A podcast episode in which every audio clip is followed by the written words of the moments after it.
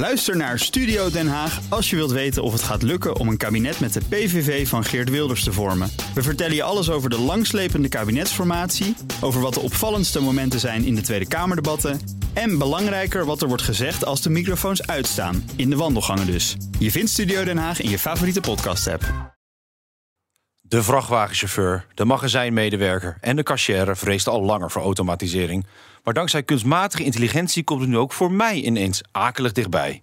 AI kan tekst, audio en beeld sneller bedenken en verwerken. Dus mag ik straks met mijn collega's aansluiten in het rijtje van de stadsomroeper, de aanzegger, de handwever en de telefonist. Na mijn studie wilde ik in de media gaan werken. Mijn moeder adviseerde me om eerst een leraaropleiding te doen, want dan kun je tenminste nog ergens op terugvallen. Een aantal jaar later dacht ik als eindredacteur online bij BNR een aardig toekomstbestendige carrière te hebben opgebouwd. Maar welke waarde vertegenwoordigt mijn werk als een apparaat dat sneller en misschien wel beter kan? De ervaring leert dat loyaliteit eindigt bij een goedkoper alternatief. Vraag dat maar aan de mensen van de VND.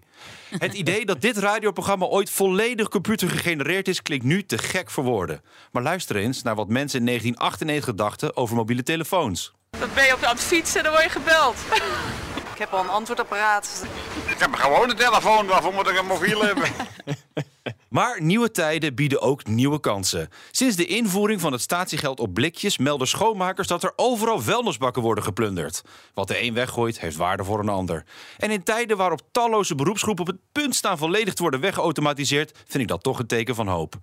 De mens kan altijd op iets terugvallen. Al denk ik dat accountants zich een toekomst toch iets anders hadden voorgesteld. Ook Diana Matroos vind je in de BNR-app. Ja, inderdaad. Je kunt live naar mij luisteren tijdens de Big Five.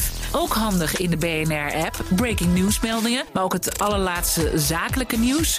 En je vindt in de app alle BNR-podcasts, waaronder Wetenschap Vandaag. Download nu de gratis BNR-app en blijf scherp.